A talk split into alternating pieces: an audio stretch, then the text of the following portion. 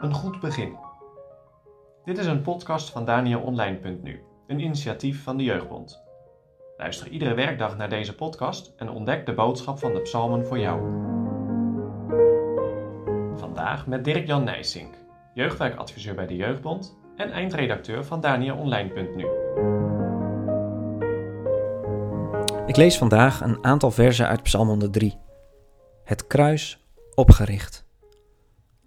Een psalm van David. Loof de Heere, mijn ziel, en al wat binnen in mij is, zijn heilige naam.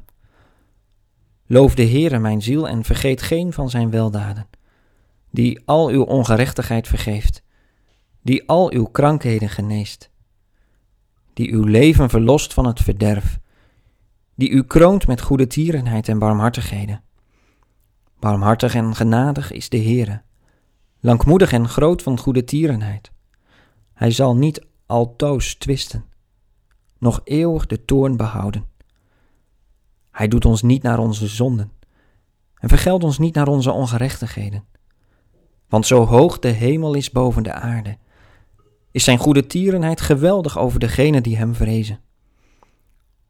Zover het oosten is van het westen, zover doet hij onze overtredingen van ons. Gelijk zich een vader ontfermt over de kinderen, ontfermt zich de Heere over degenen die hem vrezen. Ik las zojuist twee gedeelten uit Psalm 103, vers 1 tot en met 4 en vers 8 tot en met 13. Ik zou graag deze hele psalm lezen. Ik houd van deze psalm.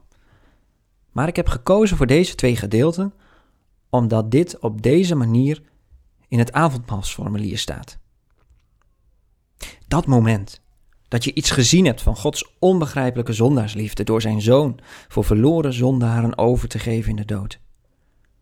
Dat moment waarin je het voor ogen zag hoe de Heer Jezus als het ware zegt: Ik voor u, daar u anders de eeuwige dood had moeten sterven. Dat moment dat de Heilige Geest je weer bij de hand neemt en je laat rusten op het werk van Christus alleen. En dan volgen die indrukwekkende woorden. Geliefden in de Heere, omdat de Heere nu onze zielen aan zijn tafel gevoed heeft, laten wij samen zijn naam danken en prijzen, en ieder spreken in zijn hart. En dan volgen de woorden die we zojuist hebben gelezen. Wat krijgt deze psalm op dat moment een diepe betekenis? Je krijgt het ook nooit bij elkaar.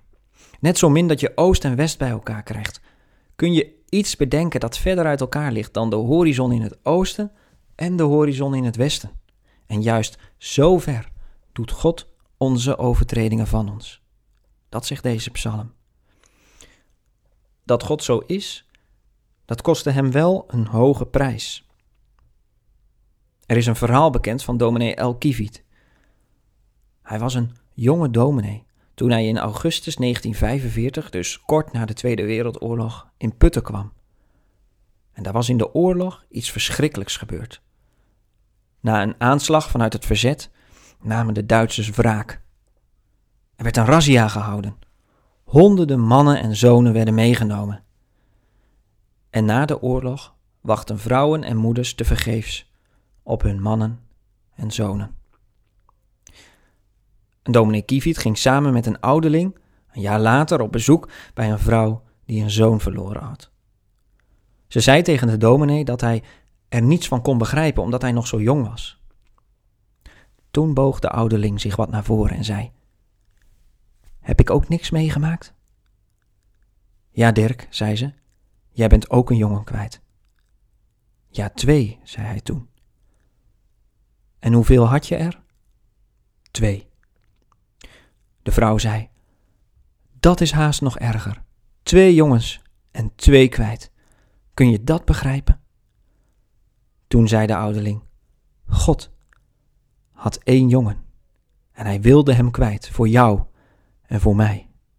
Kun je dat begrijpen?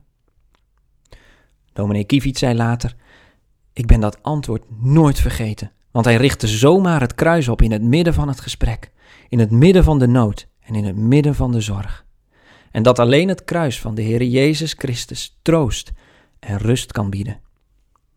En die vrouw, die nog nooit had kunnen huilen, een jaar later nog niet, barstte in snikken uit en zei: Daar heb ik niet aan gedacht. Zo richt deze psalm ook het kruis op. Het kostte God zijn enige geboren zoon en dat is nooit te begrijpen. Het is liefde Gods. Want dien die geen zonde heeft gekend, heeft hij zonde voor ons gemaakt, opdat wij zouden worden rechtvaardigheid van God in hem. Dat is de jubel van Paulus. Dat zijn woorden van iemand die het ter harte neemt. Loof de Heere mijn ziel en alles wat in mij is, zijn heilige naam. Rust niet, voordat Jezus jouw zaligmaker is.